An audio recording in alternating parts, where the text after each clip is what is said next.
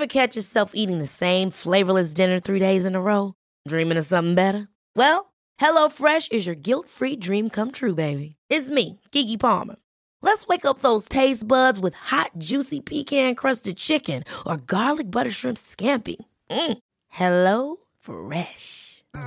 Stop dreaming of all the delicious possibilities and dig in at HelloFresh.com. Let's get this dinner party started. A lot can happen in the next three years. Like a chatbot may be your new best friend. But what won't change? Needing health insurance. United Healthcare Tri Term Medical Plans are available for these changing times. Underwritten by Golden Rule Insurance Company, they offer budget friendly, flexible coverage for people who are in between jobs or missed open enrollment. The plans last nearly three years in some states, with access to a nationwide network of doctors and hospitals. So, for whatever tomorrow brings, United Healthcare Tri Term Medical Plans may be for you. Learn more at uh1.com. Here's a cool fact a crocodile can't stick out its tongue. Another cool fact you can get short term health insurance for a month or just under a year in some states. United Healthcare short term insurance plans are designed for people who are between jobs, coming off their parents' plan, or turning a side hustle into a full time gig.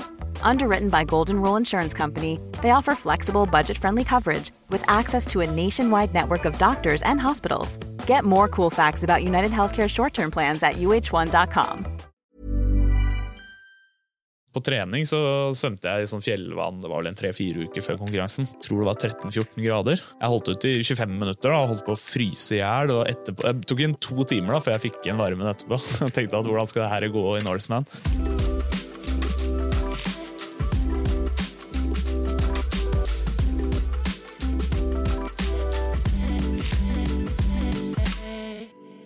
I dagens episode har vi fått besøk i studio av årets vinner av Norseman. Og For de som ikke vet, så er Norseman sett på som å være verdens tøffeste triatlon. Det sier folk veldig ofte at det er, og det tror jeg veldig mange kan signere ut på at det også er. For å oppsummere så starter man med å svømme 3,8 km i Eidfjord, som sjelden har en temperatur over 14 grader. Og så sykler du da 180 km over 2700 høydemeter og avslutter med 42 km løping opp til Gaustatoppen. Riktig så langt?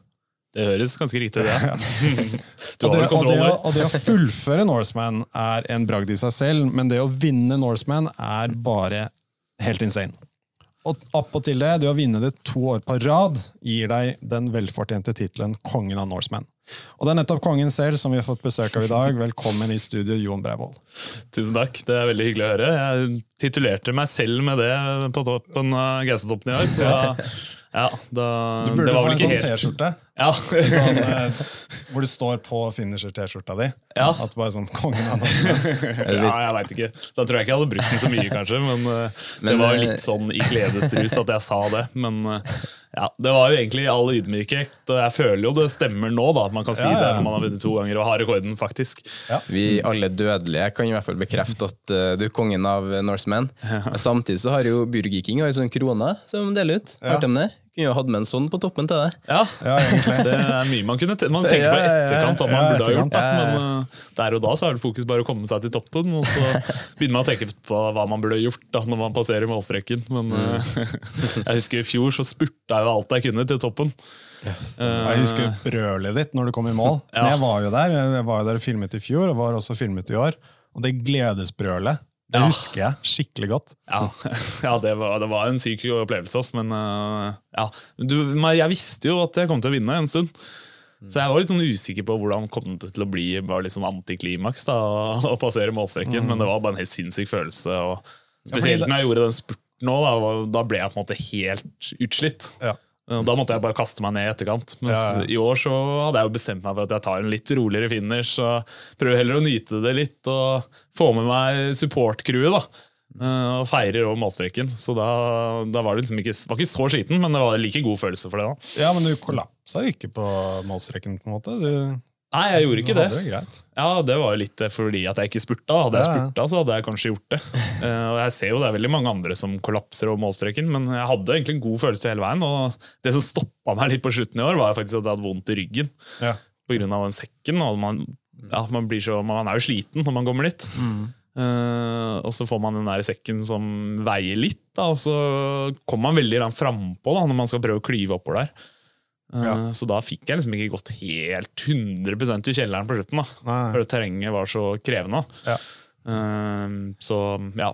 Men du visste jo altså Som du sa, som du fikk jo også løyperekord. Mm. Du slo rekorden på en halvtime eller noen sånne ting.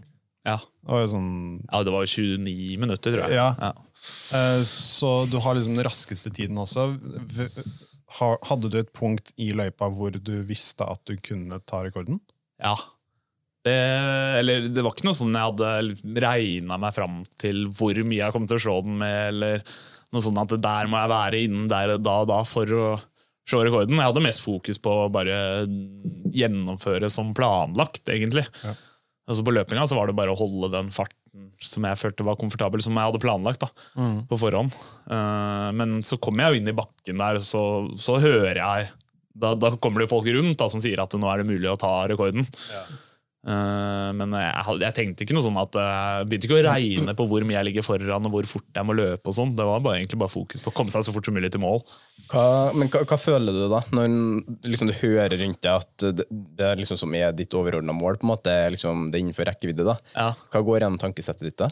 Eh, nei, da ble det litt sånn Da endra det seg litt fra å på en måte, Før det så var det mest det å ta seieren da, som var fokus, Ja. og mest det på løpet. Eh, på en måte. Men når jeg kom inn i bakken der da, og begynte å høre at jeg fikk mye tid til Christian Grue, da, og seieren var i boks, så var det mer det, ja, som sier, bare prøve å mm, holde ting i gang og ja. Eh, Ikke bli for ivrig, ikke sant? Det er fort gjort det òg. Det er langt igjen da, når du kommer inn i Zombie Hill. Da har du jo to og en halv time igjen, eller noe sånt. Ja, I hvert fall to timer igjen. da. Ja, for jeg, kan, jeg kan se for meg liksom ja, Si når du vet at ok, seieren er, liksom, seieren er der, Ja.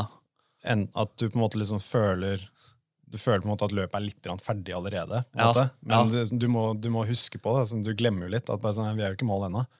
Selv om eh, vi er ganske sikre på at vi kommer til å vinne, Mm. så er vi, har vi fortsatt en del å gå. da. Mm. Ja, det- absolutt. Og nå hadde jeg et nytt mål, ikke sant. Ja, ikke Mm, I fjor så var det litt annerledes, da, for jeg hørte at det ble fem, seks, syv minutter, og jeg tok et minutt i hver sving oppover Zombiehill. Zombie Ja.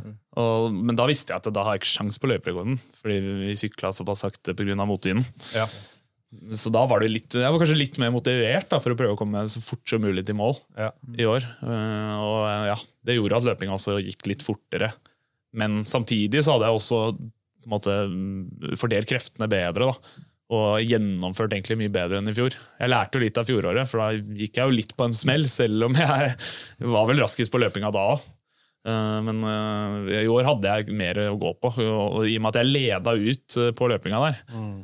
så kunne jeg kontrollere litt mer enn det jeg gjorde i fjor, da, hvor jeg måtte jage ut jage, Christian Grue, for da lå jeg jo ett og et halvt minutt bak ut. ja, jeg husker du hadde et problem med skoa. Ja. Ja, det var, litt, eh, det var vel egentlig det at jeg frøys på henda Ja. som var problemet. Ja. Så klarte jeg, jeg, var, liksom, jeg, sliter litt med blodsirkulasjonen i fingra. Ja. Uh, og så gjorde jeg jo den generaltabben at jeg, jeg kasta hanskene opp uh, på toppen av Immingfjellet der. Fordi jeg var varm oppover. Mm.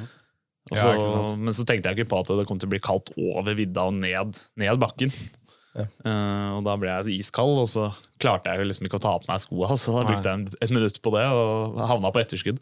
Jeg så faktisk, eh, jeg tror Allan Hovda, som kom på tredjeplass i fjor og i år, lærte av, den, uh, av deg i fjor. Ja. Fordi på T2 så hadde han et skohorn. Ja. Så han bare smekka på skoene, og så løp av gårde. ja. Og det var liksom sånn småting som det, men det er kanskje ikke noe man tenker noe særlig på. Liksom, du, du, du planlegger jo så mye du kan dagene før Mm. et sånt løp som dette her, og har en strategi, en plan for hvert eneste scenario som kan dukke opp. Ja. Men så er det alltid noe uforutsigbart ja. som du ikke tenker på. Mm. Jeg hadde jo tenkt på det i år, så jeg Ja. hadde jo med skolen i år. Og de skoene er jo litt problematiske å få på, de som vi løper med. Og han har jo de samme. Ja. Eh, Så det er jo, jeg har hatt skolen på de andre konkurransene jeg har kjørt tidligere i år òg. Men det er sånne småting som det. da. Ja. Som bare sånn det, Ja, det er sånne ting som kan dukke opp. da. Ja. Uh, Så ja, Det er så sinnssykt mange scenarioer man må tenke gjennom da, i triatlon. Eh, Det er så mange aspekter. Uh, Og du kan liksom ikke, ja, Det er veldig vanskelig å tenke på alt. da. Så det er alltid noe nytt å lære. da. Sånn som eh, Jeg hørte snakka litt med Mikael Iden etterpå. Han hadde kjørt med sko, altså han hadde svømt med skotrekk. Den var ny for meg, og det hadde ikke jeg tenkt på før. at det var mulig. Så, han, Yes. så han hadde på en måte skotrekk som gikk opp mot, på leggen, og så kunne han bare dra de over foten, på en måte. Når, eh, når han skulle ut på syklinga. Så han brukte ikke tid på det, men da hadde han skotrekka på. da. Så det er en fiffig løsning. Det, det er jo uforutsette ting som kan skje, og det var jo det på løpet i år òg, med tanke på noe som skjedde på svømminga. Hva, Mm. Var ikke noe med en GPS-tracker der som eh, plutselig var borte vekk? Ja, det stemmer. Det var litt drama der en periode, i hvert fall for de i kulissene, tror jeg. Ja, det, Eh, Ja, vi som satt og fulgte med på løpet, vi, vi visste jo ikke at du Vi trodde du hadde DNF-a, liksom. At Ja. du ikke var med, og så bare plutselig så ser vi deg foran Christian. Ja, Så Å ja, Jon er også med. ja, ja, ja. ja det, var vel, det sto vel det en periode der, Ja. at uh, jeg hadde brutt. Ja. Mm. Så ja, nei, det som var greia der, var vel egentlig at uh, jeg tror jeg fikk en litt dårlig brikke, og slett. Som, altså, det er jo sånn borrelås, ikke sant? Yeah. Så den var sikkert litt slitt, eller det er ikke alltid de sitter så godt. da. For det merka jeg allerede når jeg hoppa uti. Merka at det her er, den er løs, Oh, ja. så jeg måtte feste den på nytt da, mens jeg var i vannet. Uh, og så gjorde jeg jo det, da. Tenkte ikke så mye mer over det, egentlig. Nei. Men uh, sånn litt utpå svømmingen der, så merka jeg liksom det at det, det, er, det føles ut som det, altså Jeg kjenner ikke noe på beinet mitt. da Ja. Så jeg tenkte at eh, fader, det kan jo være at den har dette av nå. Ja. Men, eh, men så glemte jeg jo det igjen, da, selvfølgelig, når man kommer inn, inn i skiftesonen. da Ja, ja, for, da for da tenkte jeg at fader, da må jeg sikkert be, be om ny, da, eller sjekke om den har dette av når jeg kommer opp. Men så kommer du opp der, og så har du fokus. Huet er på et helt annet plass. da, Alt du skal gjøre. Få av deg våtdrakten og bare få på deg klær så fort som mulig. da. Så det gikk da i glemmeboka, og så fikk jeg jo beskjed av supporten min om at eh, jeg tror ikke du har noen brikke. Uh, og da kikka jeg ned og så at nei, der var det ikke noe brikke, selvfølgelig. Nei. Uh, og da var det jo egentlig bare å Jeg var ikke så veldig stressa, for jeg regner med at det kommer til å ordne seg. At du Ja, får tak i en ny på en eller annen måte. Uh, så det, og det gjorde jo det. Jeg fikk ja. jo ny arrangøren. Men jeg sykla forbi Christian Grue på vei opp til Dyranut der. Mm. Eh, litt før det jeg hadde trodd, da, men uh, ja, samme det. Men uh, da, da tok jeg og prata litt med han. da. Jeg pleier liksom å gjøre det med de jeg kjenner når jeg sykler forbi. da. Det er jo gode kompiser også. Mm. og da sa han at han hadde hørt at jeg hadde brutt, men han trodde ikke noe på det selv. det kan ikke stemme, sa han. for, for det hadde supporten sagt til han. da. ja, ikke sant? Ja, men det var jo det det sto liksom, på nettsida, Ja. liksom, som du sier. Så da, ja. Heldigvis var det brikka som lå på bunnen av Eidfjord, eller Hardangerfjorden, ikke jeg. ja, kunne, kunne vært verre, si. Ja, det kunne absolutt vært det. Men hvordan, eh, ok, så svømmingen da, liksom, La oss ta det sånn steg for steg. Svømmingen er i Eidfjord, hvor det er veldig veldig kaldt. Mm. Og du begynner er det fire på morgenen, hvor startskuddet går? Fem? Fem. Fem, ja. Så du hopper fra ferja. Det var en veldig sånn kjent eh, bilde. og Man hopper fra en ferje, Mm. svømmer bort til startstreken, Ja. og så går liksom startskuddet. da. Ja, du må jo stå og fryse i ti minutter før start. Da. Ja. I hvert fall hvis du er litt tidlig ute. Og ta, ta oss liksom litt igjennom på en måte, ok, Når du liksom går på ferja, da, så har du ikke noe support. og ikke liksom noe, Det er bare deg i våtdrakt og Ja. egentlig bare vente. Man må liksom vente en stund. ja, det må man. Og den ferja bruker jo veldig lang tid ut der, for man går på ferja Eller den kjører klokka fire, da. Ja. Sharp. Mm. Eh, og så hopper vi ut i vannet kvart på fem. Ja. Den bruker 45 minutter, da, så jeg lurer litt på om vi bare Hvor er vi, liksom, i løpet av den? eh, Kjører bare ferja dritsakte, eller tar vi en sånn ekstra runde rundt bare for å la tida til å gå? Det vet jeg ikke. De har jo, de har jo bytta ferje, ja, så det var litt av greia. Så jeg tror den nye ferja nå, den kan kjøre ut mye fortere. ja, Eh, så de kan sikkert liksom endre på det litt. Grann, ja. Men de har jo fått litt sånn kritikk, fordi liksom den gamle ferja var jo bare sånn eh, Helt åpent, og ikke noe sånn Du satt jo ikke inne. Altså her det var jo kafé og toaletter og liksom full luksus på den ferja her. og varmt og sånn. ja. På den gamle så er det bare sånn eh, som transporterer biler. Sånn, så du bare sitter på dekket der. Mm. Ja, jeg Det er bare åpent. Ja, ja. Mm. Og det var liksom litt sånn, Det var på en måte litt kult, da. Så Ja. Det den nye er litt for fancy. Ja, nei, egentlig det. Det er ikke helt den Norseman-ånden, så det er litt Nei. synd at jeg ikke har fått oppleve den gamle doningen der. da. Ja, Men det er så, en ting som jeg syns er litt rart. At liksom man, man vil på en måte ha det. At liksom det er mindre komfortabelt, men det er, det, det er liksom det man vil ha. Man skal ha den opplevelsen. Ja, Det er vel litt av det som er greia med Norseman. Liksom. Man skal ikke ha det så komfortabelt. Og, Nei, det skal ja, ikke være komfortabelt. det var kanskje litt mer sjarm med den gamle, men eh, det er veldig behagelig med den nye. Du får en sånn Ja, ja. Veldig gode skinnstoler å sitte i. Og, så du får liksom roen før start. da. Sitte her og prate litt med konkurrentene. Mm. Ja. Og jeg hadde jo liksom tenkt at eh, Eller ja, planen min var jo å fotfølge Hans Christian Tungesvik. Ja, ja. så jeg måtte finne han, da for jeg tenkte at han kan jeg klare å ligge bak da på svømminga. Ja. Så hvis jeg bare finner han på start, da, steller meg ved siden av, så, så kan jeg berge da, og få en god svømmetid. Ja. Det er veldig viktig for meg i hvert fall å finne de riktige beina og ligge bak. Mm. Så da fant jeg han, og så satt jeg ved siden av han. Jeg tror han skjønte litt, at, eh, litt greia der. da.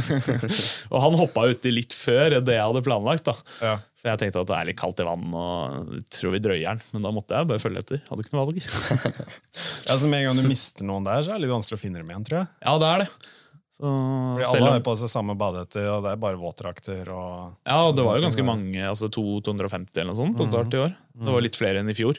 Ja, ja det var det. Ja, Så jeg tenkte at nå må jeg bare, når jeg først har funnet han, så må jeg bare henge på som en klegg. Mm. Men eh, jeg hadde jo sannsynligvis funnet han før start òg, i og med at man har litt god tid. Og, så eh, Både jeg og Christian Grue og Hans Christian Tungesvik da, og Mikael Mm. sto sammen da, på start. Ja, det gjør det. Og så veit jeg ikke hvor alle han var, da. Men eh, jeg tenker at det er litt gøy da, at de, måte, de som kniver litt i toppen, og starter sammen. Mm. Ja. Hvordan forbereder man seg til den, det kalde vannet? Er det noe man kan gjøre? ja, det er vel egentlig det å trene egentlig da, på kaldt vann. ja. Uh, bli vant til å svømme litt i kaldt vann, tror jeg er lurt.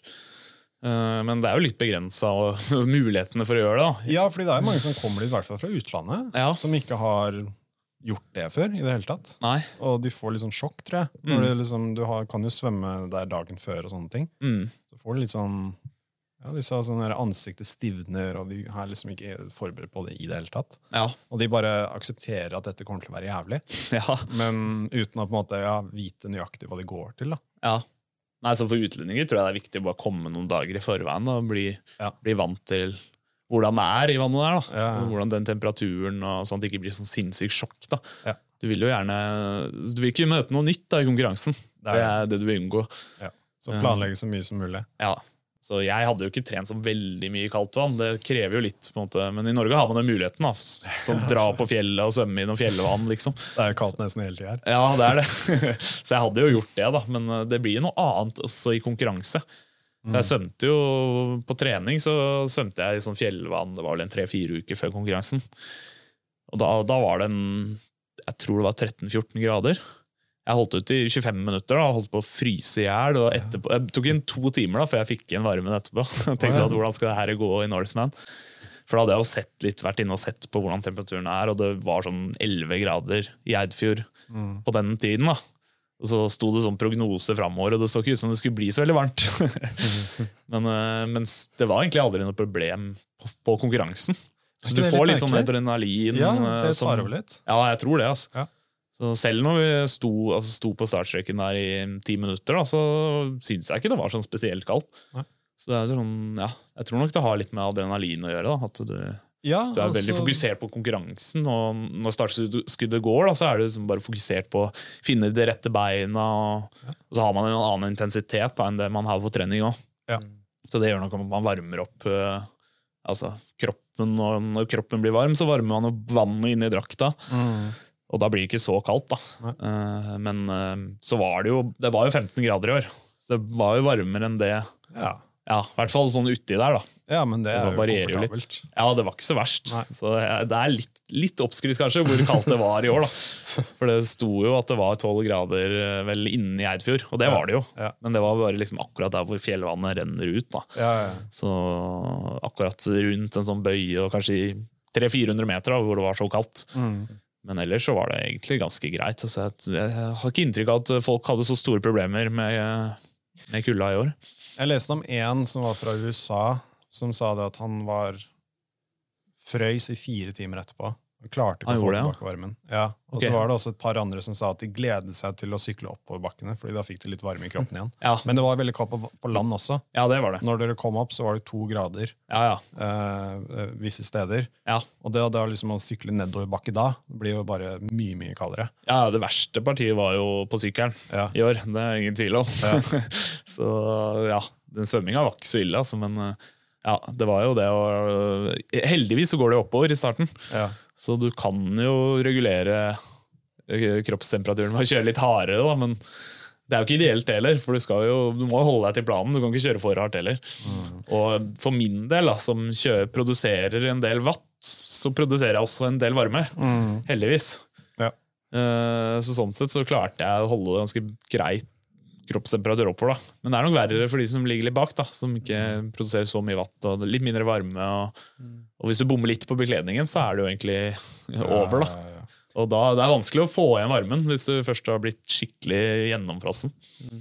For det tenker jeg litt på den overgangen da, fra den svømminga som man når man kommer opp fra vann, og i hvert fall fra sånn bitende kulde, da, man, man kjenner litt i ansiktet, og det stikker litt her og der. og sånn. Hvordan er det når du skal kle deg om til det sykkeltøyet? og sånn? Hva tenker du nå over det i forkant? da? Hva, hvordan bekledning du skal ha på deg? og sånn? Ja, det var det mye Det var stort sett det jeg tenkte på i dagene i forveien. Ja, okay. Det var en evig sånn der kverning da, rundt eh, hva skal man ha på seg, liksom. Og, ja. Fordi temperaturen varierer jo veldig på syklinga. Altså I starten var det kanskje, en, kanskje hvor varmt tror du det var? Fem-seks grader og regn? Er vi på Dyranes så så vi to. Ja, på Dyranut, ja, men på, i Eifjord. Ja, det var noe sånt nå. Ja. Ja, det, var ikke, det var ikke varmt, altså. Nei, det var ikke det i det hele tatt. Det var vel en av de kaldeste dagene Ja, tror jeg, den sommeren der. Det, tror, ja, det var sånn rekordlavt på Norseman Ja. i år. Det var det. Mm, ikke sant? Og det var vel, jeg hørte det var en minus fem effektive oppe på Dyranut. Så der er det jo ekstremt kaldt. Men samtidig det, var det jo på en måte Regnet skulle jo gi seg rett etter Dyranut. Ja. Det var bare liksom i, opp, bort til hallene, er det vel det heter. Så skulle liksom, etter værmeldingen da, stoppe. Og så når vi kom ned i Geilo, så skulle det være en sånn ti grader og overskya. ikke sant? Og det er noe helt annet. Så du må jo kle deg for flere årstider, nesten. da. Og så blir det jo, ikke sant, nede i, skift, I T2 der så var det jo 19 grader og, vel når vi kom dit. Ja, det var behagelig. Ja. Ja. Og så er det jo det at du Altså, du vil ikke fryse. Det er det verste, egentlig. For, da, for det første så bruker du masse ekstra energi da, som du gjerne vil ha seinere. så det er veldig dumt. Men så har du også den aerodynamikken da, som man tenker på. I hvert fall for oss som er framme der og vil kjøre fort. Da. At vi vil ikke ha på oss noen klær som blafrer og som gjør at du sykler saktere. Og så I og med at det er meldt varmere på slutten, så vil du ha noe som er lett å ta av seg. Og som gjør at man kan eh, ja, bare hive av seg noe, og så ha noe, noe som er litt raskere og litt, eh, ja, litt mer aero under. da. Mm. Så jeg gikk jo for en trøye, en sånn ganske varm trøye, og armvarmere, sånne løse ermer. Eh, og fordelen med det var jo at jeg da kunne hive den trøya. Og, bare, og da hadde jeg armarmer, eller løse armer under. Eh, For det var jo ikke sånn supervarmt eh, etterpå, men det var varmt nok til at man kanskje kunne hive den trøya. Og ja, jeg tror det hadde blitt for kaldt hvis jeg ikke hadde hatt noe under. da. Mm. Så jeg gikk jo for den løsningen. Eh, problemet da var at det, det tar litt tid da, å få det på seg i skiftesonen. Men jeg prioriterte da å bruke litt ekstra tid på det, da, Ja. for å kunne spare litt mer tid etterpå. da. For jeg- aerodynamikk har jo sinnssykt mye å si. Ja, ja. Så hvis jeg kan hive den Selv om den trøya jeg hadde var ganske tettsittende, og sånn, så er det ikke det samme som å ha en fullblods uh, trisuit. da. Mm. Uh, den, jeg merka jo det da jeg heiv den. Nå heiv jeg den litt seinere enn planlagt, fordi det ble litt sånn våt asfalt etter Geilo. Det var der som var plan, Planen var å hive den der nede. Mm. Da, det er ca. ni mil ut i løpet, og da har du halvparten igjen. holdt jeg på å si. Så det er jo ganske langt stykke, da. Sånn Ni mil, hvor du kan kjøre med aero eller sånn trisuit. Eh, Men så ble, ble det jo litt kaldt. Jeg synes det var, det var ikke sånn supervarmt. Og det ble litt våt asfalt etterpå, regna litt. Så da hei- endte det med at jeg heiv den oppe på Imingfjell, så da fikk jeg ikke så mye igjen for det. da, kanskje At, eh, at jeg kunne hive den. Hvis jeg hadde hatt en jakke for eksempel, og ikke tatt sånne løse ermer, så måtte jeg nesten ha kjørt med den hele veien. Så det var det som var tanken. da. Ja. Eh, Så det var veldig mye sånn ja, som du sier da, planlegging rundt hva man skal ha på seg. Om det blir en jakke, eller om man tar løse ermer og trøye, eller om man rett og slett skal gå for både trøye og jakke, og så, som man kan hive av. Liksom, Men jeg tenkte jo det at eh, jeg holder varmen ganske greit oppover, så det holder med en litt sånn varm trøye. Uh, og så er det bare å komme seg over Så håpet jeg da at værmeldingen stemmer, da, at det, det skal regne fra dyrene ut og til hallene, og så skal det slutte, og så blir det tørr asfalt. Og da er det kanskje si en halvtime da, hvor du må klare å holde varmen. og ja, Det er begrensa hvor kald du kan bli på en halvtime Også. Ja. Og det gikk egentlig akkurat. da. Det var sånn I en periode der så sleit jeg veldig med Begynte å kjenne at jeg mista følelsen i fingra. og sånn. Ja. Men eh, akkurat da så ga regn seg. Så det var, det var på limit. Der synes jeg det, er liksom, det er visse ting som bare må gå riktig, da. Ja. For at det skal, forholdene må stemme. Ja, det må egentlig det. Ja. Og så har du jo alltid en backup. Du har jo bilen, ikke sant? eller Ja. følgebilen, da. Så hvor du kan be om å få ting. Men eh, da, ofte- da, da taper du litt tid igjen. Altså, du vil jo helst unngå det. Ja. Ja. Men hvor ofte er det du liksom kommuniserer med support-teamet ditt? da? Nei, altså Vi har jo planlagt eh, stopp underveis, da. Ja. eh, hvor jeg skal få mat og drikke. Eh, og så har de kanskje i tillegg noen ekstra stopp, da. Hvor de på en måte gir meg sekunderinger, eller i tilfelle det er noe jeg trenger. da. Mm. Eh, men eh, ja, hvor ofte var det nå? Det var jo cirka Har det vært 40 minutter eller noe da, vi hadde planlagt? Ja, Så det er ikke sånn sinnssykt ofte. det er det ikke. Men eh, ja, det Så man, man skal jo helst treffe. Ja, ja, ja. For jeg hørte jo om folk som måtte stoppe liksom, og sette seg i veikanten og få, få, få igjen varmen igjen. da. Jeg så det. Ja, oppå toppen der. Ja. Så det, det, det kan jo skje, da. Ja, ja. I og med at det hvert 40. minutt det er jo relativt ofte, men det er ikke sånn eh, du kan, du kan rekke å bli stivfrossen da, på 40 minutter. Ja, som hvis, hvis noe har gått feil, så må du deale med den feilen selv i 40 minutter før. Ja, Fordi supporten vil jo De kjører jo Mm. eh, forbi deg, altså foran deg, prøver liksom å plassere seg i Ja. veien for å være klar til at du kommer. ja stemmer. Så det er vanskelig for De har ikke lov til å kjøre ved siden av deg eller liksom bak deg. eller noen sånne ting. De må liksom Ja. kjøre av gårde. da. Ja, det må det. Men så er det jo litt sånn når de kjører forbi, og så ruller de kanskje ned vinduet, og så tar vi en liten prat. Altså, hvis det hadde vært noe, Ja. at jeg hadde trengt et eller annet, da, så hadde jeg nok fått det sånn relativt kjapt. da. Eh, Men man må planlegge litt, da, for du har ikke lov til å ha den bilen bak deg hele tida. Den må kjøre fram og tilbake og stoppe. Ja, så det, mm, det krever mye planlegging. Så, men samtidig så er det Det tar mye krefter, det òg. Det å planlegge, spesielt mentalt. da. Ja. Så jeg prøvde å ikke kverne for mye, bare bestemme meg for et eller annet. da. Og så la det være. og så heller prøve å slappe av. da. Altså, nå har jeg tatt den øvelsen, og så får man heller deale med det underveis. da. Men uh, det er mange forskjellige scenarioer man må tenke på på forhånd da, og planlegge for. Men uh, samtidig må man ikke tenke for mye rundt det. Så sånn, Fram til det punktet ved nå, når du er ute i sykling, sånn, var det noen plasser du hadde tapt noe tid da? Sånn, selv om det var et rekordløp, hadde du tapt noe tid på noe greier fram til da? liksom? Ja, jeg tapte jo en del i skiftesonen. Mm. Det gjorde jeg. Altså, Svømminga var egentlig veldig bra. Mm. Eller i hvert fall relativt greit. da. Det var egentlig der jeg hadde forventa å være selv. Mm. Eh, Men det var mye bedre enn i fjor. Ja. Det var vel fem og et halvt minutt bak Christian Grue. Ja. Cirka. Eh, Han var først opp, var han ikke? Jo, han var førstemann opp, ja. Så jeg var veldig på skuddhold, da. Og, og var fornøyd med svømminga mi. Eh, Men så var det jo det med når du kommer inn i skiftsonen der, og som du sier, da, at du, du er iskald. Eh, og det er veldig vanskelig det, Akkurat det er veldig vanskelig å trene på. Ja. Eh, og liksom, hvordan skal du løse den skiftsonen når du er iskald? Jeg så det var ett supporting som hadde med sånn portabel dusj. Oh, ja. Så de dusja varmt vann på utøveren sin mens de på en måte tok av seg våtdrakten. Ja. For å prøve å varme dem opp litt. ja det, det det tror jeg er- er mer sånn mental greie. Da, kanskje. Jeg vet ikke hvor mye det hjelper, egentlig. Nei, men det er mange kule løsninger man ser på Ja, det er litt gøy å se liksom, hvordan forskjellige folk løser dette her. Mm. Uh, ja, absolutt. Så jeg hadde jo sånne, mm, sånne, hva heter det, sånne varmepakker som du putter inn i Ja, ja, ja. hanskene. Ja. Mm. Og det redda meg litt i starten. Altså. det Det, ja, det hjalp veldig. Det var veldig godt å ha de inni, inni hendene, eller inni hanskene.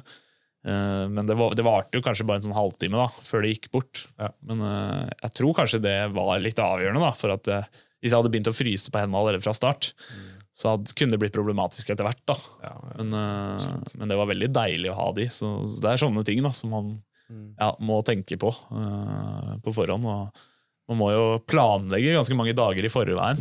Man reiser bort noen dager i forveien. og Man, man må ha kjøpt inn alt da, på forhånd. Eh, så, og man aner jo ikke hva slags vær som det blir da, på konkurransedagen. Så det gjelder å ha tenkt gjennom en del scenarioer, som vi har snakka om. Og, ja. Akkurat det med skiftesonen òg, der tapte jeg litt tid. eh, Fordi ja, det var det med, det med armene. Ja. Jeg, tenk, jeg tenkte jo at det kom til å bli et problem. å få på seg de når du er iskald Ja. og i tillegg ganske våt. Og de er tighte, ikke sant. Og det er ikke lett for supporten heller å dra de opp eh, på meg. da. Så det var sånn knot. da. Ja. Men jeg tenkte likevel at det kom til å lønne seg seinere. Hvis du må kjøre med en jakke hele veien da, kontra å kunne ha en aerosuit og ermer, eller si halve veien da, fra Geilo, så tror jeg jeg hadde spart inn de to minuttene bare på aerodynamikk, rett og slett. Ja. Ja. Og så brukte jeg jo ja, ett og et halvt, to minutter mer enn ja, eh, Christian Grue, tror jeg. Og de beste. Ja. Så litt er det å hente, men mange ser jo på skyttesonetidene isolert. Ja. Men det er mye smarte ting man kan gjøre der, da, som man får mm, Altså, som man sparer tid andre steder i løpet. Så man må tenke på helheten. Ja, ja, absolutt. Ja, så du har jo for eksempel det med å Altså alle proffer da, internasjonalt, de fester jo skoene sine på sykkelen. eh, Med sånne strikker, sånn at de bare kan hoppe på og så bare ta på skoa mens de sykler. Og det er jo det raskeste hvis du kan det, hvis du har trent på det. Men hvis du begynner å knote, da, hvis et eller annet skulle skje, du ikke klarer å få på deg skoa, da taper du jo mye tid på syklinga. Sånn, Og sånn som i Norseman så når du er så kald på fingra, da ville det jo ikke lønt seg å, eh, tror jeg, da, å ha skoene på sykkelen, og så ta de på underveis. Det tror jeg kunne fort blitt et problem. Ja. Så så- jeg tok jo på meg skoa i skiftsonen. Jeg veit ikke hva konkurrentene mine gjorde. Det kan, Nei, jeg tror de fleste gjør det, fordi du, du er jo på gress også. Ja. Du er på vått gress, så du vil helst liksom ikke bli kald igjen på føttene. Hvis du har tatt på deg sokker, da, for eksempel, Ja. så blir sokkene dine våte Mm. og kalde før du liksom kommer til eh, der hvor du kan gå på sykkelen. Da. ja, Det er liksom sånne småting som det. ja. Ja. Ikke sant? Så det, ja, du forbereder jo på en måte resten av konkurransen da, i skiftesonen. Ja, ja. Så selv om du kanskje taper ett minutt i skiftesonen, så kan du ha gjort noe smart da, som gjør at du sparer tid seinere ja. på syklinga. Så man kan ikke bare se på de skiftesonetidene isolert. Og Norseman er jo veldig spesielt. Men jeg, jeg kan jo skjønne at man stresser veldig mye, fordi du beveger deg ikke fremover når du er i skiftesonen. Nei. Det er liksom dødtid, hvis du skjønner. Det er liksom tapt tid. Du, man føler at det er det. Mm. Og da stresser du mye mer også med på en måte ting du skal gjøre. Og liksom Ja. Hvert sekund teller, fordi du beveger deg ikke fremover. Ja. Spesielt hvis du ser noen som sier, kommer opp av vannet etter deg Mm. og er ute av skiftesonen før deg. Ja. Det må jo være veldig sånn, der, ah, litt sånn frustrerende. Ja. ja, det er fort gjort å stresse litt. Ja, det tror jeg på. Ja, ja, og jeg så jo konkurrentene mine rundt der, og så at de forsvant ut. da. Ja. Men øh, ja, jeg, jeg så jo også at det, det var treige skiftesonetider i år generelt. da. Så de aller fleste skjønte jo at det var lurt å bruke litt tid og ta på seg nok tøy, rett og slett. Og ja, For ellers så taper du det, det minuttet du kanskje uh, tapte i skiftsonen, det taper du seinere, eller vant i skiftsonen. På, ja, ja, jeg veit ikke hva du Altså, du ikke tok på deg nok tøy, eller et eller annet sånt. da. Men eh, overgangen fra sykkel til eh, løping pleier å skje veldig fort. Ja, Der var det rask. Ja, der var jeg, jeg er ikke superrask, men uh, jeg tapte ikke så mye. da. Jeg brukte vel ca. et minutt. Og Det er raskt. Ja, sånn relativt. nå, nå brukte jo de fleste litt mer tid i år enn tidligere år. Ja. Fordi altså, folk har jo på seg jakker, og alt Ja. det må jo av igjen Mm. man skal ut og løpe. Så Tidligere i fjor for eksempel, så brukte vel Christian Grue 24 sekunder, tror jeg. Ja, Det er jo sinnssykt. og øh, Da kom jeg jo inn sammen med han og sleit med å få på skoa sjøl. Ble dritstressa når han løp ut etter 24 sekunder. Eller han brukte jo egentlig, for du skal jo løpe inn, og så skal du skifte, og så skal du løpe ut. Så selve det å ta på seg sko brukte han kanskje fem sekunder på. da Yeah. Og så kom han seg ut, og jeg sto der og sleit med å fikle på meg, få på meg skoa. Så da ble jeg stressa. ja, det skjønner jeg. Ja, men um, i år så så jeg at han brukte noe 45 sekunder eller noe sånt. Ja. Så det var sannsynligvis fordi han måtte ta av seg en jakke, tipper jeg. i og med at han brukte jakke. Det var også en fordel for meg, da, at jeg hadde tatt av den jakka tidligere. Ja. Så jeg slapp å bruke tid i skiftsonen på det. Mm. Eh, Så det er litt sånne ting man må tenke på. Så, men eh, ja, der, den var ikke så verst, altså skiftsonen i år. Så jeg tapte ikke så mye, men jeg hadde litt problemer der òg. Fordi jeg sykla litt raskere enn det supporten min hadde trodd at jeg skulle. Så de, de rakk rett og slett ikke å komme inn før jeg Altså jeg så de kom, var på vei til skiftesonen da Ja. Når jeg kom syklende der. Ja. Så da måtte jeg vente litt på de, da. Men eh, de kom heldigvis. De spurta som de aldri har gjort før, tror jeg. Så, så det ordna seg, det, altså. Hvordan er beina da, liksom, med tanke på løpestrategi? da? Mm. Eh, tar du til rette for at beina er ganske stive etter syklingen? At du er kald på føttene og liksom, du merker det i lårene? og sånne ting? Eller har du samme tempo hele veien? Eh, nei, egentlig så var det ganske likt. Ja. Eh, sånn, de første, eller i hvert fall første kilometeren blir det egentlig litt sånn på følelse. Ja. Fordi eh, vanligvis så løper man jo på fart og ser på klokka hele tida. Men i starten så er alltid GPS-en litt feil. da. Så du må jo bare starte i en fart som du føler er ganske behagelig. Og ja, jeg, prøver å starte litt roligere enn det jeg føler at jeg kan klare, på en måte. Bare for å komme litt inn i det. Men ofte, så, i hvert fall i Norseman, da, så føler man seg altså I hvert fall de to, siste, de to årene jeg har vært med, så har jeg følt meg ganske bra. Jeg tror det har noe med at du Inngangen til skiftesonen er ganske snill. Ja. Det er ned, nedoverbakke og så Ja, ganske går, flatt. det går slak nedover, egentlig, hele Ja. veien. Altså, du har den utforkjøringen fra Imingfjell, og så er det bare slak nedover i er det 20 km eller noe sånt. Mm. Så jeg hadde vel 55 i snitt der, så det, Mm. og jeg tråkka ganske mye mindre watt da, enn det jeg gjorde tidligere. Så det gjør nok at beina egentlig føles ganske greie da, Ja. når man kommer ut der. Den ene snille tingen med Norseman-løpet. Ja, Den, den ja, de burde egentlig endre den. For den er litt for snill. Det er ikke helt i Norseman. Burde avslutte på toppen, Ja, og så løpe ned. ja, det hadde vært bedre. det tror jeg ikke folk hadde likt. Så det, det er forslag til eh, endring. Ja, den, hadde, denne gjorde, gjorde et ekstremtriatlon i Canada. Ja. Da var um, T2 på toppen av en veldig veldig bratt bakke oppover. Det var sånn 14% stigning eller sånt nå. Ja. Uh, som um, jeg bare sa det er så urettferdig å avslutte syklingen med dette, og så skal du ut og løpe. Ja. Og løpingen starta også oppover. ja, Da var ikke banda så gode, eller? nei, nei. Nei. Nei, jeg var helt forferdelig. Jeg var ødelagt. Ja, ikke sant? Det blir noe helt annet. Ja, ja. Så jeg husker ikke hva jeg hadde i snittwatt ned på slutten her, da, men kanskje noe sånn som 230-240 eller noe sånt. Mm. Eh, For du har mange perioder hvor du Når du først tråkker på, så er du kanskje oppå rundt 300, da, som Jeg hadde vel 270 i snitt, da. Mm. Uh, Så da lå jeg kanskje opp på 300, men så, så har du mange perioder hvor du bare ikke tråkker òg, nedover der. Så du sparer beina ganske bra, da. Så si jeg hadde to, jeg tror det var rundt 230 i snitt. Det er egentlig ganske sånn greit for min del å holde. Mm. Så beina var egentlig dårlig oppe i Imingfjell. Jeg sleit litt da. Ja. Men, uh, så jeg var litt bekymra for hvordan de her løpebeina kom til å være. Men så fikk jeg spint beina ganske greit ned der. da, Fikk hvilt litt, og så var de egentlig ganske bra ut på løpinga. Så ja, da, og jeg hadde jo bestemt meg for å løpe rundt 3,50. Det var liksom planen, å holde det. Mm. Eh, så da løp jeg egentlig bare ut i en fart som jeg følte var rundt 3,50, og så ja, og så etter hvert så kommer jo GPS-en på en måte Mm. Kanskje etter en kilometer da, så er den uh, bra igjen, og da så jeg at det var cirka rundt der jeg lå. Og da var det egentlig Mm. bare å ligge på den farta. Så det var ikke noe sånn at jeg løp noe veldig mye roligere ut. Nei. Nei. Det er for at eh, det det liksom sånn, tenker jeg, Når man kommer, kommer fra den syklebiten og til løpebiten Man har jo på en måte en strategi der, da. Mm. Eh, men den strategien må du avvente litt, kanskje før du vet at ok, så, sånn er det ifølge klokka. da. Ja. Eh, men du kjenner jo kroppen din såpass godt at du vet kanskje hvor det nivået ligger da, når du skal løpe. ja, jeg veit jo hvilken følelse jeg eh, skal ha, på en Mm. måte. For det er veldig sånn, Hadde jeg løpt fem sekunder raskere da, på Mm. 3.45-fart i stedet for 3.50-fart, Mm. Eh, så hadde jeg måttet jobbe mye mer for det. Ja. Det hadde jeg merka. Du kommer liksom, det er en sånn terskel der, da, vel rundt den arobe terskelen, Ja. hvor du kjenner at det bare flyter og går av seg selv. Ja. Men samtidig veit du at det blir jævlig tungt etter hvert. Så det, det gjelder å bare holde seg i skinnet, da.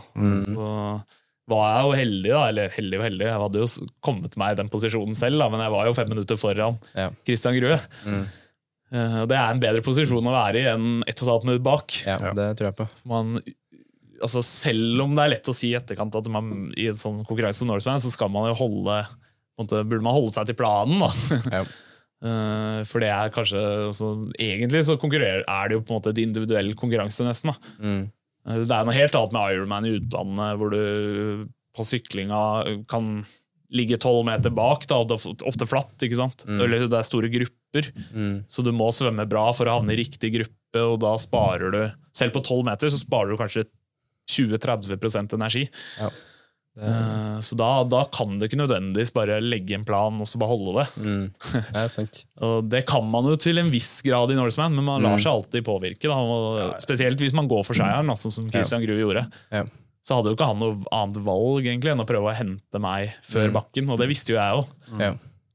Så da var det sånn, hvis jeg løper på 350, eh, så må jo han fort løpe under 340 for å ta, klare å ta igjen fem minutter inn i bakken, Mm. som er mitt. Og så fra bakken opp, så er det er jo mitt terreng. Ja.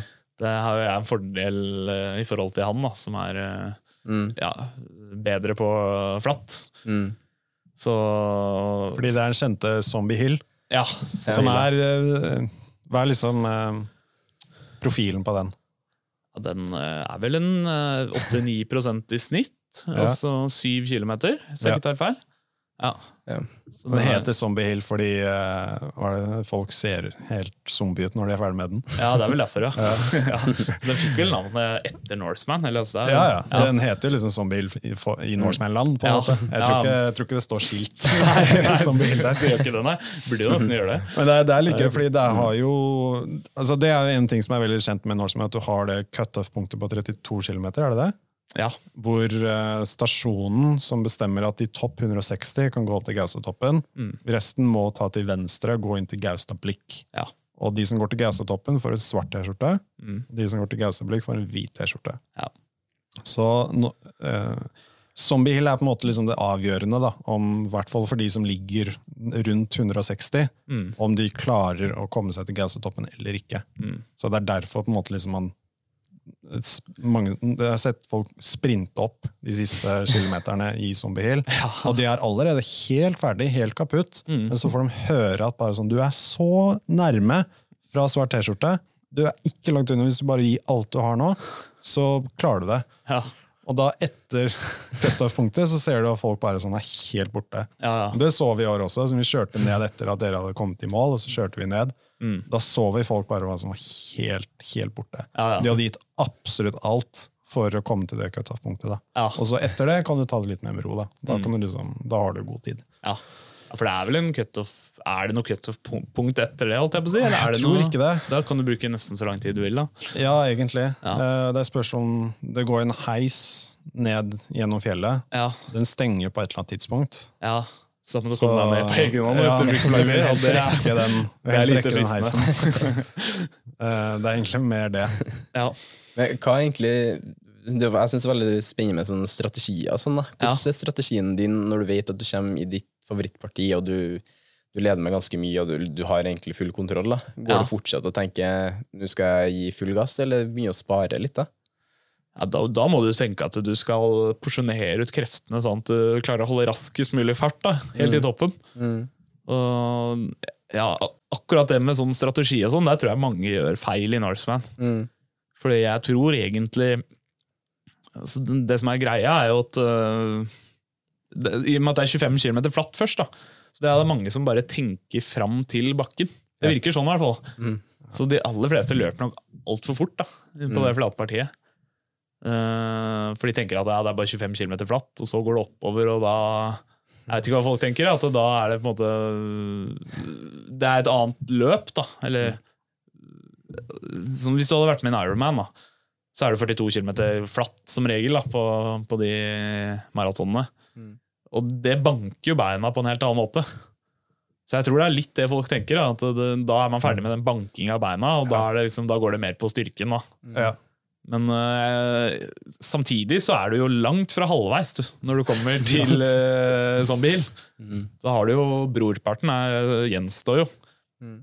Hvis du klarer å ha litt ekstra krefter der, da, kunne kjøre på litt opp som bil, så tror jeg man kan spare veldig mye tid på det. Mm. Uh, så, så du så, Nå hadde jo kanskje ikke Christian Gure så mye valg i år, da, i og med at han gikk for seieren og prøvde å ta igjen meg. Men han løper jo 3.45-fart, noe som ville gitt en maratonsluttid på 2.37. Ja. Og det er jo ikke mange i verden som løper så bra i en Ironman. Det er jo Blummenfelt og Eden og ja, noen av de beste løperne løper jo rundt 2.35, ikke sant? Men eh, Så sannsynligvis hadde ikke han løpt 3.45-fart hvis det hadde vært en vanlig Ironman. Mm. Ja.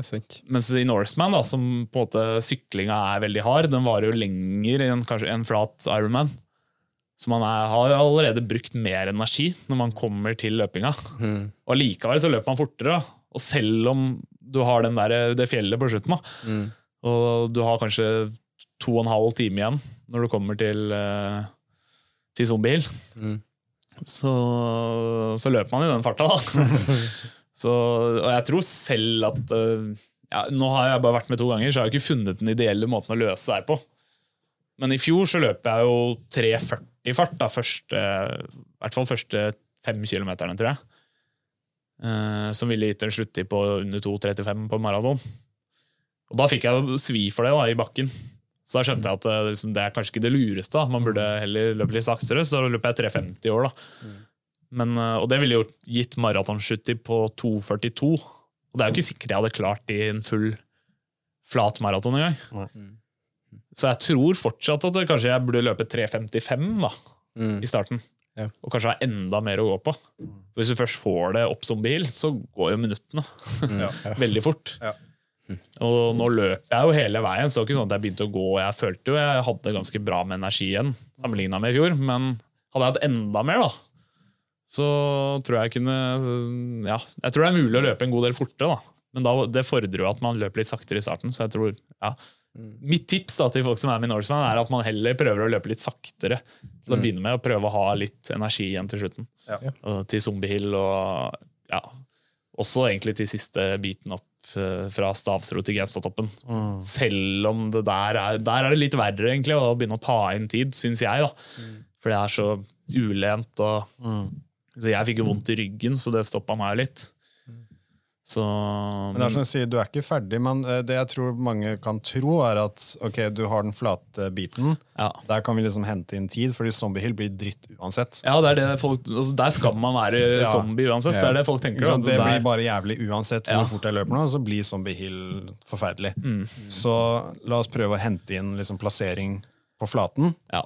og så vil alle bare liksom uh, eh, så vidt komme seg opp som vil uansett. Ja. Og så gir de absolutt alt for å komme til uh, cutoff-punktet. ja. Og da tenker sånn, ok, nå er vi på en måte litt ferdig. Mm. Fordi nå, har vi kommet, nå kommer vi oss til gassetoppen. på en måte. Og da, selvfølgelig, du er ikke ferdig. Nei, nei. Du har en godt stykke å gå igjen, da. Ja, På ingen måte. Og hvis du gir 10% mer, klarer å gi 10% mer i bakken, da, Ja. Så vil det gi mye større utslag på tiden enn det 10% ekstra på flatene vil. Ja, ja. Ja, Det er faktisk veldig bra sagt. Ja. Og når vi får et så bra tips her, så tenker jeg at det er jo egentlig tidenes tips å ta med seg når- hvis man skal ut på et sånt prosjekt. da. Ja. Så det, ja. Så, så, Absolutt. Ja, for du vil jo ha lavere fart, ikke sant? Så, sånn, altså det, er, det har mer å si på sykling, da, for der har du aerodynamikken. ikke sant? Så mye høyere fart på flatene. at det, mye av energien går tapt på luftmotstand. Men det gjelder jo også i løping, egentlig. Ja. Og så oppover må du jo i tillegg bære din egen kroppsvekt, holdt jeg på å si. Ja. Så det ja, kunne gi litt ekstra der, da. Hvis du gir 10% ekstra der, så vil de på en måte gi 10% ekstra i fart, men det vil de ikke nødvendigvis på flatene.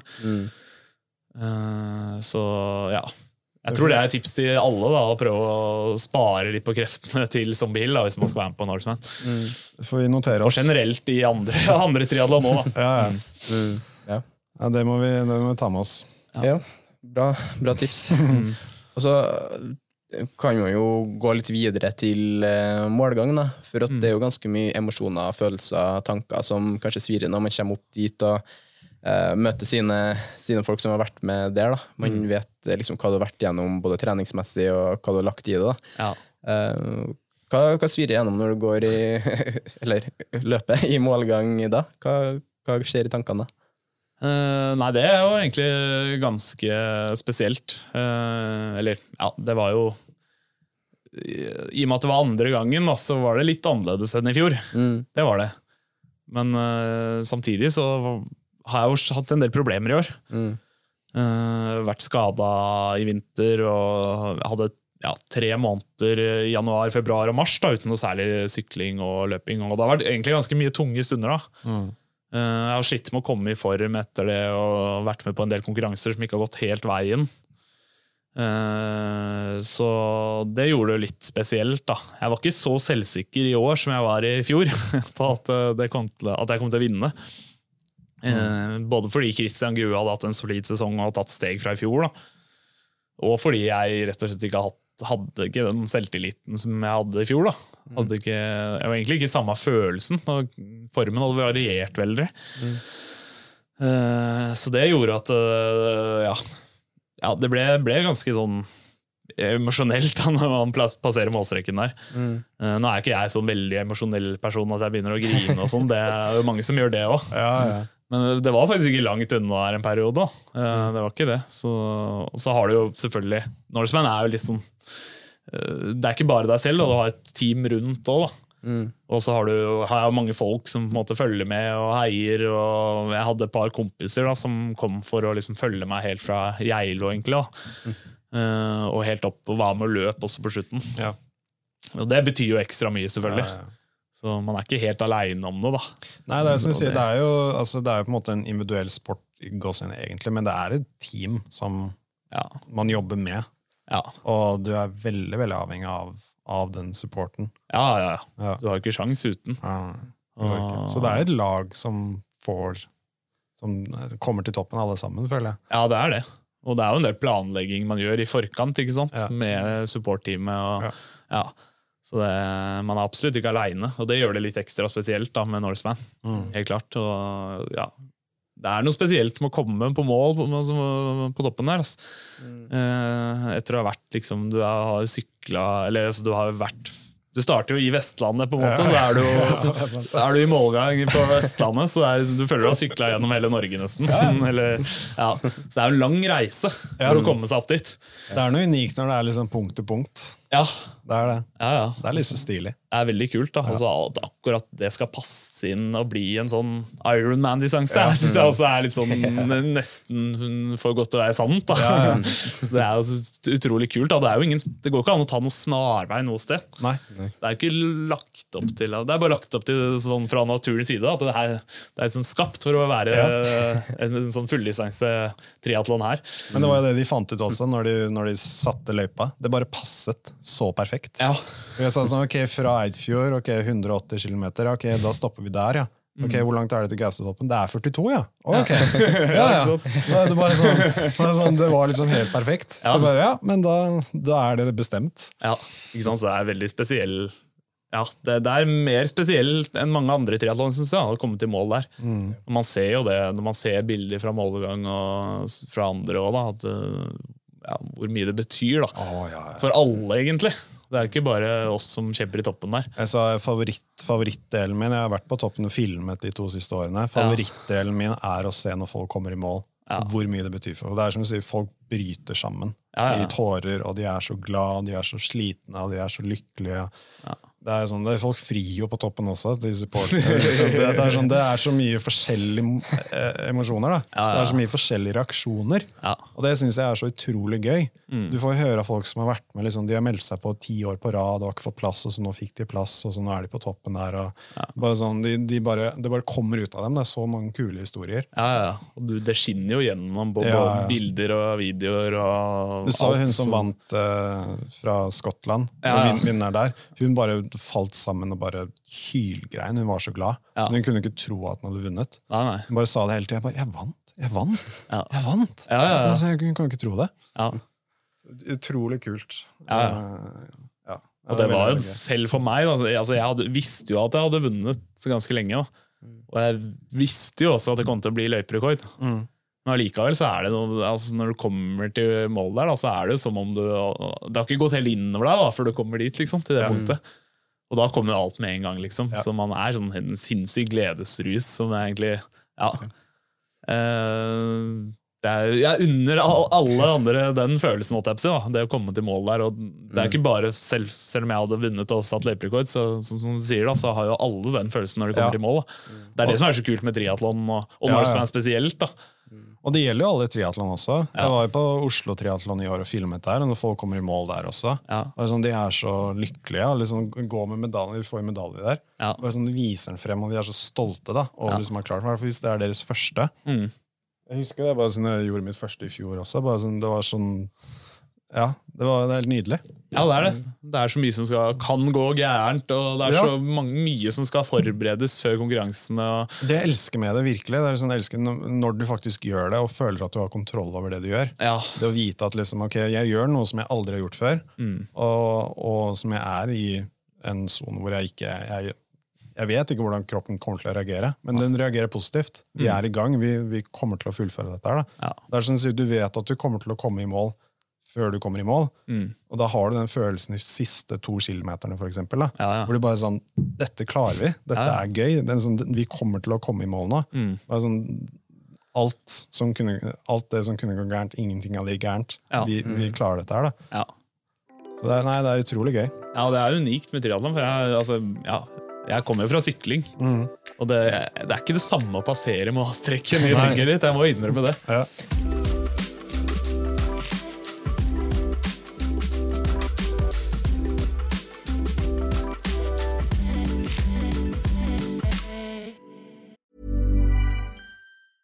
Mom deserves the best, and there's no better place to shop for Mother's Day than Whole Foods Market. They're your destination for unbeatable savings, from premium gifts to show-stopping flowers and irresistible desserts. Start by saving 33% with Prime on all body care and candles. Then get a 15-stem bunch of tulips for just $9.99 each with Prime. Round out Mom's menu with festive rosé, irresistible berry chantilly cake, and more special treats. Come celebrate Mother's Day at Whole Foods Market. Hiring for your small business? If you're not looking for professionals on LinkedIn, you're looking in the wrong place. That's like looking for your car keys in a fish tank.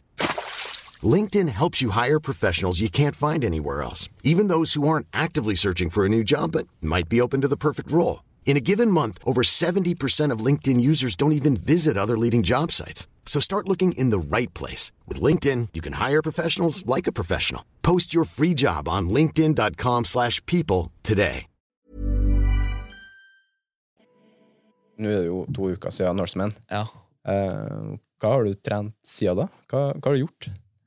Eh, Nei, første uka var stort sett eh, rolig. Eller det var i hvert fall planen. Så det er, jo, det er jo på en måte veldig krevende energimessig, da. Spesielt Norseman. Det er ikke så Det, litt, det skiller seg fra Ironman, vanlige Ironman-konkurranser, hvor du løper flatt maraton. Mm. At du, du er ikke så banka i beina.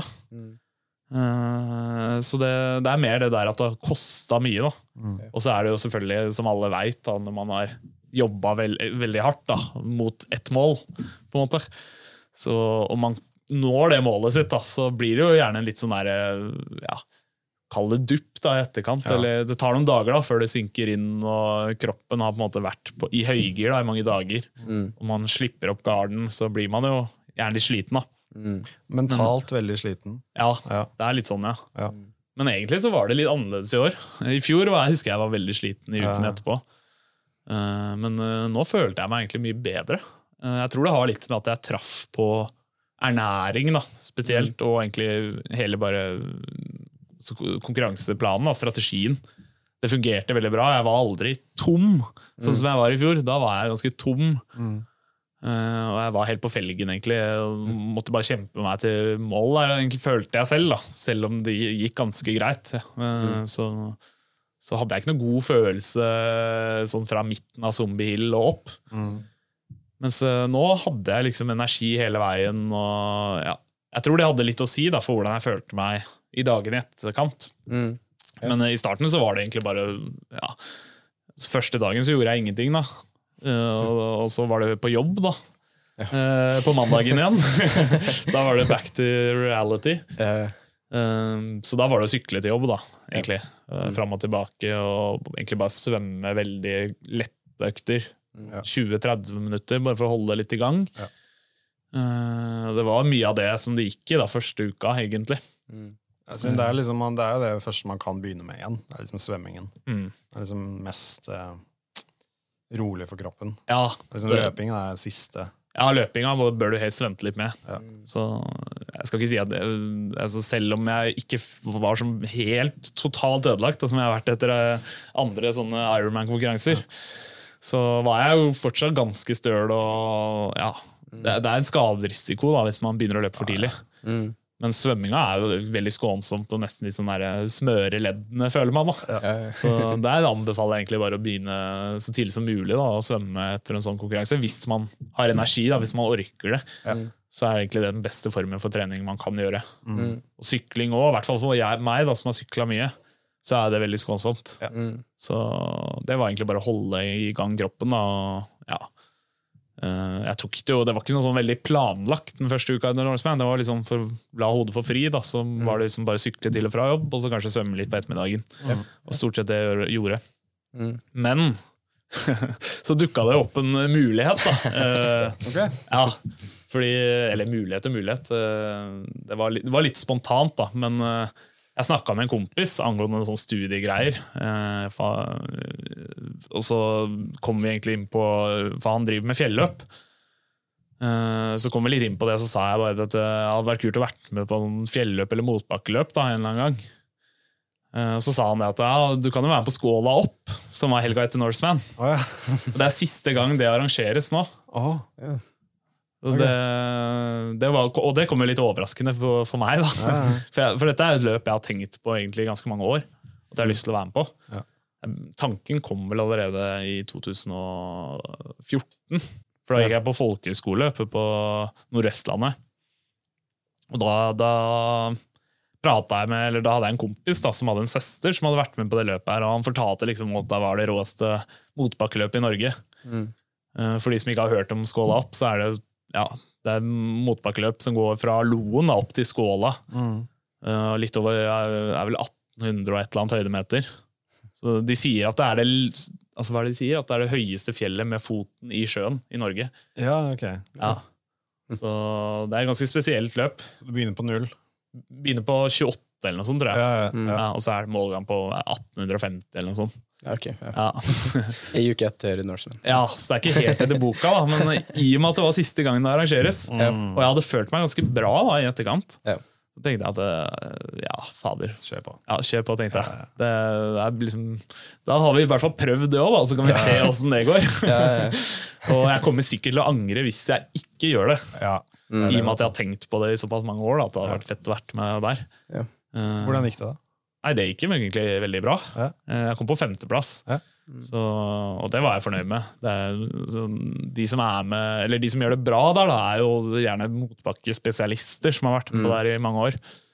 Ja. Du kommer ei uke etter Norseman og tar en femteplass. Det er ganske bra, det, for å si det sånn. Ja, det var bra, det, altså, men altså, jeg veit ikke om jeg kunne gjort det så mye bedre om det ikke hadde vært Norseman uka før. For jeg følte meg bra. Ja. Så jeg skal ikke skylde på det jeg har sagt. Da. Det er, jeg hadde blitt uh, altså, i hvert fall nummer to. Da. For det var jo, jeg var vel ett minutt bak andreplassen, så det kunne på en måte vært innenfor rekkevidde. Mm. Uh, men eh, ja, nei, jeg hadde en bra følelse, rett og slett. Så, jeg tror jeg satte en ny pers i, altså i pulsrekord da, i én time. Ja. Jeg har aldri hatt så høy puls i én time før. Så det betyr jo gjerne at man har litt overskudd. Mm. Men det var nok litt også fordi jeg hadde tatt det veldig med ro da, den uka før. Ja. At jeg, da gikk det akkurat, da. Og jeg forhørte meg jo med en del folk eh, i, for, i forkant av det her, da. Og leger blant annet, da, som okay. om er det er her lurt å gjøre? kan det gå greit? Og da var det sånn, det var akkurat i grenseland da, med en uke. Ja. Men hvis du føler deg bra, så kan det gå, da. Ja. Ja, og det, det gjorde jo, gikk jo, da. Men, Mm. Og det gikk jo bra på konkurransen. Men uh, i etterkant så har jeg måttet svi, svi litt for det der, da, det Ja, stuntet der. Ja. For jeg fikk det litt sånn i retur, holdt jeg på å si, da, i uka etterpå. Ja. Da var jeg sliten. Eller Ja, det- den uka nå som har vært. da. Ja, ja, men det kan, det kan jeg forstå. Nei. altså, videre, da. Hva er egentlig neste målsetning nå? Hva, hva jobbes det videre mot? Nei, Neste triatlon blir Challenge San Remo Ja. 25. september. Ja. Ja, så det er jo da omtrent akkurat en måned til. Ja, ja. Eh, så det, det er en løype som passer meg ganske bra. Mm. Uh, det er en 20 km lang bakke på syklinga der. Uh, så den, den er ganske hard. Den ligner litt på NIS. Ja, ja, ja. Ironman 70,3 NIS. Eh, så den, den kjørte jeg jo i fjor. Mm. Og der, der kjørte jeg feil, så det gikk jo ikke sånn veldig bra. Men løypa passer bra da, i forhold til mange andre sånne Ironmans. Mm. Jeg må jo, for min del så gjelder det å finne løyper som er ganske harde. Og for, da, for det første så varer jo da syklinga lenger. Da, så andelen sykling blir jo lenger, det er fordel meg. Mm. Uh, og så går jeg ganske greit oppover, da. Ja. Så da Ja. Der burde jeg jo kunne ha en god sjanse, håper jeg, da. Så da er det egentlig bare å komme i gang, da. Med trening fram mot det. ja spennende. Ja. Eh, og så neste konkurranse nå blir sannsynligvis Jeg har sagt ja til å være med på sykkelritt. Ja. Ja, et ritt som heter Lillehammer Grand Prix. Ja. Som er som du sier ritt, som går uh, den 3. september, er det vel? Ja. Uh, så da er det litt gøy, og det blir egentlig mye comeback på sykkelsetet. Ja. Og den, det er også en hard avslutning. Det er av- avslutning på toppen av Hafjell. Ja, okay. Ja, Hafjelltoppen heter det vel. Så den, eh, jeg veit ikke hvor lang den bakken er. Det er en syv-åtte kilometer eller noe sånt. Motbakke på slutten. Ja, ok, det er såpass. Ja, det er litt sånn Jeg har jo savna sånne typer ritt i Norge. Ja. For det var lite av det da jeg sykla aktivt. Ja. Og det er sånn som passer meg veldig bra. Så da er det liksom gøy å få prøve seg nå. Da. Så, ja, gøy å se hvor bra man kan gjøre det da, med, med triatlontrening. Mm. Men jeg er egentlig litt, litt usikker på hvordan det kommer til å gå. For øh, jeg er ikke helt i den sykkelformen jeg var i fjor, tror jeg. Mm. Men, øh, men øh, det er uansett bare kult å prøve. Ja, ja, absolutt. Det er sant. Mm. Så ja, det, det ligger ikke på latsida. Det er ikke Det er rett på. Smekk, smekk. ja, det er et par uker, liksom, og så er det i gang igjen. Da. Men, Skal du gjøre Norseman neste år, da? Det får vi se litt på. Ja. det hadde vært gøy å ta tre på rad. Ja. Mm. Men uh, det er mye andre konkurranser òg. Altså, hvis jeg skal Ja. satse mot VM, så kan det være at det ikke helt lar seg gjøre. Mm. Uh, det er klart Hvis jeg hadde klart å kvalifisere meg tidlig på våren, da, Mm. så kunne det ha gått. I og med at det er i ja, starten av august, og så har du VM som er i starten av oktober, gjerne. da. Mm. Det spørs jo litt om jeg kommer til å satse på mot fulldistanse eller halvdistanse. Det får jeg ta en prat med, med trenere og diverse da, eh, etter hvert. Men eh, jeg, jeg tror jo kanskje at det kan være at det blir halvdistanse jeg kommer til å satse mot neste år òg, men i og med at jeg skiter litt med løping og skader og sånn, Ja. så tror jeg det kan være lurt. Men, ja. Og så er det litt lettere å komme seg dit, da. Så det er kanskje et naturlig steg, da. Først uh, gå for halvdistanse, og så ta fulldistanse etter hvert. Eh, så det er sånn vanskelig å si på nåværende tidspunkt om det blir Norseman. Ja. Så jeg håper jeg får muligheten til å ja, kunne si fra på et litt seinere tidspunkt, da. Men eh, det får vi se på. ja, det tror jeg. Ja. Det tror jeg de fikser. Ja. Det er veldig spennende å følge med, i hvert fall. Det er Ja, ja, artig. artig Ja. at det, Nå har jeg jo egentlig nådd de målene jeg har satt det på forhånd, da, med tanke på Norseman. Ja. At jeg har, har vunnet det, og jeg har satt løyperekord. Ja. Eh, så da blir det eventuelt bare for å ta det tre, tre år på rad. Da. og så er det jo bare et jævlig kult arrangement. Da. Nå må jeg passe på neste år skal jeg være med, så Ja. da blir det konkurranse der. Ja, det er sant. Det er godt poeng. Plutselig så kommer jeg løpende forbi deg på Zombie Hill. Ja, det skal aldri Altså, aldri. Nå har jeg jo gitt fra meg alle mine tips Ja, her. Så, Ikke sant? Ja. Ja, ja. Em, avslutningsvis skal vi komme med noe hvis, hvis det er noen som ønsker å starte med triatlon, da. Ja. Så ikke fulldistanse eller noe ting, men um, hvilke tips du, har jo, du begynte jo for sånn to år siden cirka. Ja. Hvilke tips har du til noen uh, som ønsker å komme inn i denne verden? Ja, hvis du er sånn at du ikke har svømt så mye før, da, så vil jeg anbefale å egentlig bare å hoppe i det. Det kan jo være litt sånn tøft, da. Når du, I hvert fall hvis du ikke kan svømme fra før. det tror jeg det er mange som på en måte, Det er der bøygen ligger Ja, for mange. det er der barrieren er. Ja, for- det er ikke alle som kan crawle, liksom. Og de klarer kanskje ikke å crawle mer enn 50 meter uten å måtte stoppe. da. Mm. Men da er, det liksom, da er det der man er, da. Så mm. må man bare starte der. Og så vil jeg anbefale, for, i hvert fall hvis man er på det nivået, da, å melde seg på noe kurs eller noe sånt. Ja. For da får du veldig god, kyndig veiledning da, fra folk som har ja, de, kanskje trent unger da, som er på, en måte på, på det nivået. Da, Det er jo der man starter, da, med å lære seg å puste og bli komfortabel i vannet. Men det er jo den ene tingen Fordi det gir jo mening at du ikke er så komfortabel med det alltid. Fordi det er den ene tingen ja, du lærer det på skolen, Ja. men hvis du ikke bor nær vann, så er det noe du ikke gjør til vanlig på noe som helst måte. Nei. Altså Sykling kan du, det er liksom transport til jobb eller til Ja. skole. eller whatever. Det er liksom, en sykkel liksom setter du deg ofte på.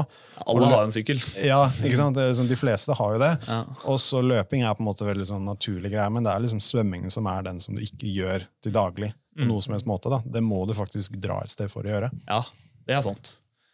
Så, Så- ja. Nei, jeg vil bare anbefale å hoppe ut i det, egentlig. Og så ja, prøve å ikke liksom Kanskje eh, Hva skal man si Det er fortere å bli for ivrig òg, da. Man må tenke sånn, Hvor er man nå? og så eh, starte der. Og så ja, på en måte ta det gradvis. da. Gå alle stegene. Ja. Det nytter liksom ikke å hoppe over noen steg i læringskurva. Jeg prøvde jo det i starten. Eh, for jeg, jeg er jo litt selvlært. ikke sant? Eh, jeg hadde noen sånn kurs med svømming da jeg gikk på videregående, så jeg kunne crawle litt. da. Så jeg klarte å svømme si 1000 meter sammenhengende. Eh, men jeg visste jo på en måte Jeg kunne ikke så mye om teknikk, og sånn, hadde sett litt videoer og sånt, men ja, i starten så bare svømte jeg, da. Det var ikke noe snakk om noe øktene Det var ikke noe drills eller noe teknikk, da. Nei. Uh, og så var jeg med i Tallinn da, og svømte på 1.13, og så gikk jo det bra. Og så fant jeg ut at jeg skulle satse mer på det her. Og først da så begynte jeg å melde meg på noen kurs. Og det var først etter at jeg gjorde det, at, jeg liksom begynte å, at det begynte å gå fortere. Og svømming er jo så teknisk krevende. Ja. Så det er jo der du må starte, egentlig. Og ikke tenk at du skal liksom Hvis du klarer å svømme, selv om jeg klarte å svømme si 3000 meter økter da, allerede da, så var det ikke nødvendigvis sånn at det var det som gjorde at jeg ble raskere. Det var når jeg begynte å gå, gå på kurs. Da, da det var til, det, jeg tror det varte en time. da. Ja. Så hadde jeg sånn én eller to kursdager i uka. Uh, og da svømte vi kanskje bare 1000 meter totalt. da. Det var mer snakking enn svømming. Ja. Men da fikk man hele tida liksom korrigeringer da, Ja. På hva man gjør feil, og fikk man litt tips til hvordan man skal jobbe videre aleine òg. da. Ja. Det ligger så i detaljer, det der. altså. Ja, det gjør det. Svømmingen er så detaljert uh, Ja, arbeid. ja. Og jeg ser det er veldig mange som ikke har svømt så mye før, da, som trener svømming som om det skulle vært sykling eller løping. Ja. At de som, tror de må ha intervaller, ikke sant. Og, Ja. og de bare svømmer fram og tilbake. Det var det jeg gjorde i starten. da. Ja. Jeg bare svømte i ja, 3000 meter, da. Og så nesten uten pauser òg. Mm. og så har jeg funnet ut i etterkant at det, det er ikke sånn man trener svømming. Da. Det er ikke sånn man blir god i svømming. Ja, så Det lærte jeg først når jeg gikk på sånn svømmekurs. da. Mm. Det er lurt å dele det opp i litt mye kortere sett. da. Og kjøre en del teknikk, drills. Og i starten så trenger du nesten bare å gjøre det, tenker jeg. da. Mm. For det, du må liksom få inn den teknikken først. Det er liksom det grunnleggende først. Mm. Og så når du har kommet på på et visst nivå, da kan du begynne å kjøre sånn typ 20 ganger 100, og sånn som de beste gjør. da. Ja. Men du må liksom ha tatt stegene før det. Ja. Så det er egentlig mitt tips når det gjelder svømming. da. Det er et veldig bra tips. Ja, og så og så er det jo triatlon er jo en tidskrevende sport. Ja. Og jeg tror det, er, det også er litt uh, en, en bøyg da, for mange. Uh, at, eh, for ja, de fleste mosjonister har jo ikke så mye tid i hverdagen. Eh, men eh, samtidig så altså, du, Hvis du skal bli veldig god, da, så krever det veldig at tar, det tar mye tid, på en måte. Men eh, du kan gjøre mye med, på lite tid òg.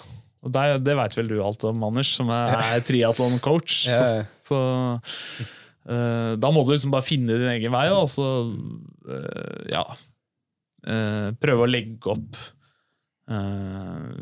treningen rundt hverdagen uten at det blir for mye stress. da. Mm.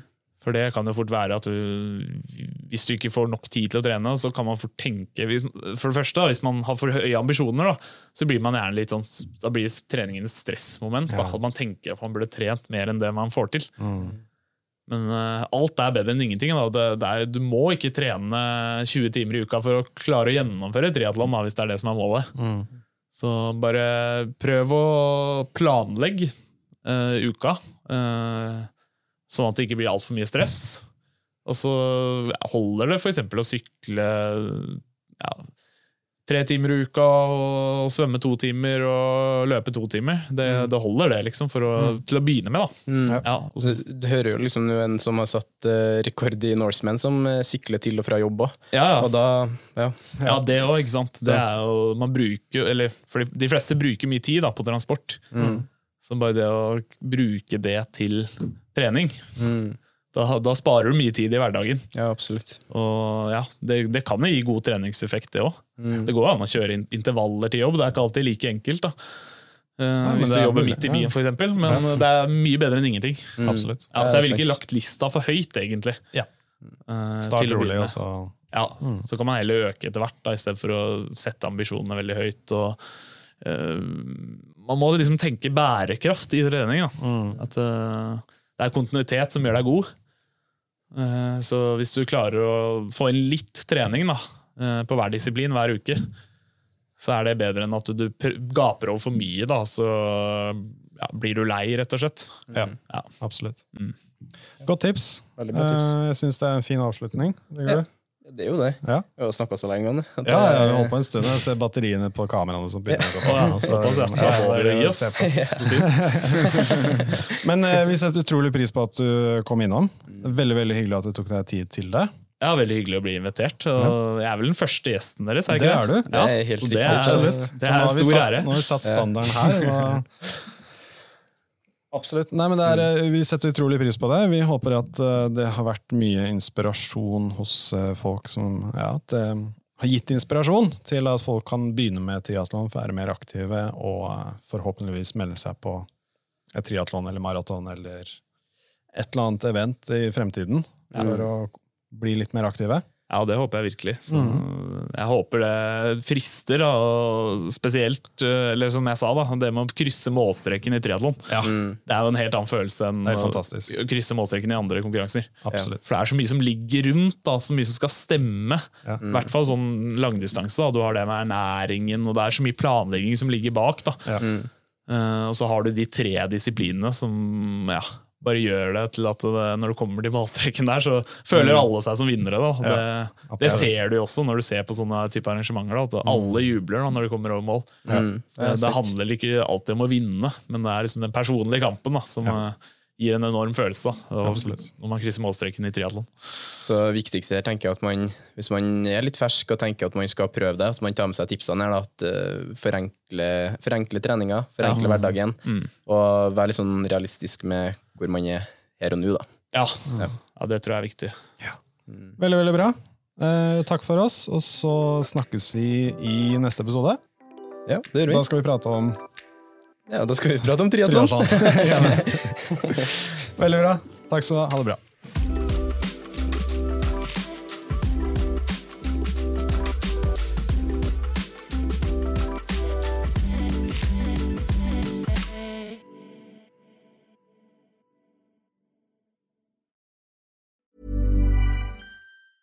Mom deserves the best, and there's no better place to shop for Mother's Day than Whole Foods Market. They're your destination for unbeatable savings, from premium gifts to show-stopping flowers and irresistible desserts. Start by saving 33% with Prime on all body care and candles. Then get a 15-stem bunch of tulips for just $9.99 each with Prime. Round out Mom's menu with festive rosé, irresistible berry chantilly cake, and more special treats. Come celebrate Mother's Day at Whole Foods Market. Hold up. What was that? Boring. No flavor. That was as bad as those leftovers you ate all week. Kiki Palmer here, and it's time to say hello to something fresh and guilt-free. Hello Fresh. Jazz up dinner with pecan-crusted chicken or garlic butter shrimp scampi. Now that's music to my mouth. Hello Fresh. Let's get this dinner party started. Discover all the delicious possibilities at hellofresh.com. Even when we're on a budget, we still deserve nice things. Quince is a place to scoop up stunning high-end goods for 50 to 80% less than similar brands. They have buttery soft cashmere sweaters starting at $50, luxurious Italian leather bags, and so much more. Plus, Quince only works with factories that use safe, ethical, and responsible manufacturing. Get the high-end goods you'll love without the high price tag with Quince. Go to quince.com slash style for free shipping and 365-day returns.